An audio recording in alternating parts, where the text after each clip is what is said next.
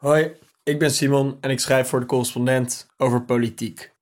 Deze keer gaat het over het gebrek aan jongeren in bestuurskamers. Daar komt ie. In discussies over diversiteit gaat het vrijwel altijd over geslacht en kleur. En natuurlijk, op beide vlakken valt nog heel veel te winnen. Tegelijkertijd krijgt een andere vorm van diversiteit zelden de aandacht die hij verdient. Leeftijd. Gaat het over jongeren in de bestuurskamer, dan ontpopt menig idealist zich ineens als een stramme conservatief. Jongeren zijn onervaren, slordig en ongeïnteresseerd, hoor je dan. Ze kunnen niet voor zichzelf denken, er moet voor hen gedacht worden. Een bestuurskamer vol grijze wolven kan net zo goed, zo niet beter, opkomen voor de belangen van toekomstige generaties. Niet dus. Neem deze nieuwe studie uit Brazilië. Onderzoekers daar vroegen zich af: beschermen jonge burgemeesters het milieu beter dan ouderen? Brazilië was een geschikte locatie. Het land telt duizenden gemeenten en bijna de helft van het oppervlak, dat ruim 20 keer zo groot is als Duitsland, bestaat uit het Amazonewoud. Het team kon daardoor voor elke gemeente twee toetsstenen gebruiken: het uitstoten van CO2 en het kappen van bomen. Wat blijkt? Jonge burgemeesters beschermen het regenwoud en het klimaat beter. Zelfs als je corrigeert voor factoren als politieke partij, opleiding, geslacht en burgerlijke staat. En niet zo'n beetje ook. In gemeenten met burgemeesters van 35 jaar of jonger worden 66% minder bomen gekapt. Oftewel, voor elke drie bomen die een willekeurige burgemeester neerhaalt, kapt een jonge burgemeester er slechts eentje. Intussen schroeven ze de uitstoot van broeikasgassen, gecontroleerd voor economische activiteit, ook flink terug. En de aandacht voor toekomstige generaties beperkt zich niet tot het klimaat.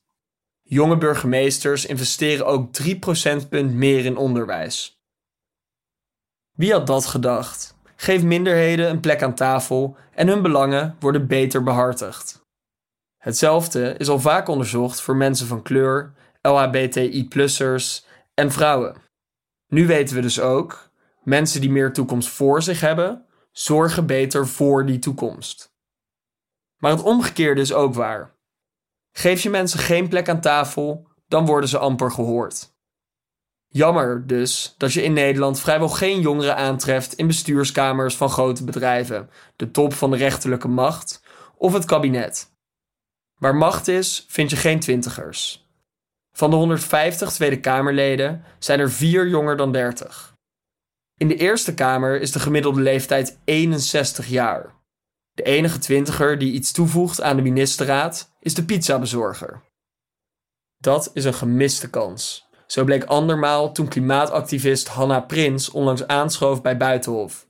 Ze was in de boeien geslagen bij de blokkade van de A12 en stak in het zondagsprogramma bij uitstek een podium voor politieke mastodonten en universitaire dinosauriërs, een vurig pleidooi af over klimaatverandering en burgerlijke ongehoorzaamheid.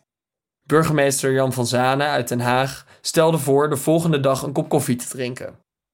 Eindelijk sprak de macht eens met in plaats van over jongeren.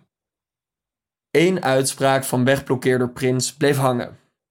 Dank u wel dat we op het Malieveld mogen staan. Heel aardig, zei ze tegen Van Zanen. Maar daar worden we niet gehoord. Deze crisis is zo groot dat die vraagt om burgerlijke ongehoorzaamheid. Zolang jongeren buitengesloten worden van de macht, zal die vraag alleen maar sterker worden. Het huidige politieke landschap, met twintig fracties in de Tweede Kamer, lijkt soms net een boksring. Vergeet je toekomstige generaties in die belangenstrijd, dan klimmen jongeren vroeg of laat over de touwen. Meer goedgebekte twintigers, zoals Hanna Prins, komen dan hun plek op eisen. Geef ze eens ongelijk. De gevolgen van de korte termijnpolitiek stapelen zich op, met ontoereikend klimaatbeleid als het ultieme bewijs voor politieke bijziendheid. Bestuurskamer zijn nog steeds een nachtclub waar de uitsmijter alleen 50-plussers binnenlaat en jongeren buiten op de stoep laat wachten. Laat ze naar binnen. Ze zouden zomaar eens de wereld kunnen redden. Het is de missie van de correspondent om voorbij de waan van de dag te gaan. Onze correspondenten voorzien het nieuws van context en schrijven over de grote thema's van deze tijd. De correspondent geeft me de vrijheid om mijn nieuwsgierigheid te volgen en de tijd om verhalen te schrijven. En zo probeer ik onzichtbare structuren zichtbaar te maken en een andere kijk te bieden op debatten die het nieuws domineren. Dan gaat het minder over het spelletje en veel meer over wat er op het spel staat. Vanaf dag 1 zijn onze artikelen, boeken en podcasts gefinancierd door onze leden. Volg ons op onze journalistieke zoektocht. Overweeg eens lid te worden van de correspondent. En maak daarmee samen met ruim 70.000 anderen onze onafhankelijke journalistiek mogelijk. Dus word lid van de correspondent. Ja. Word lid. Word lid.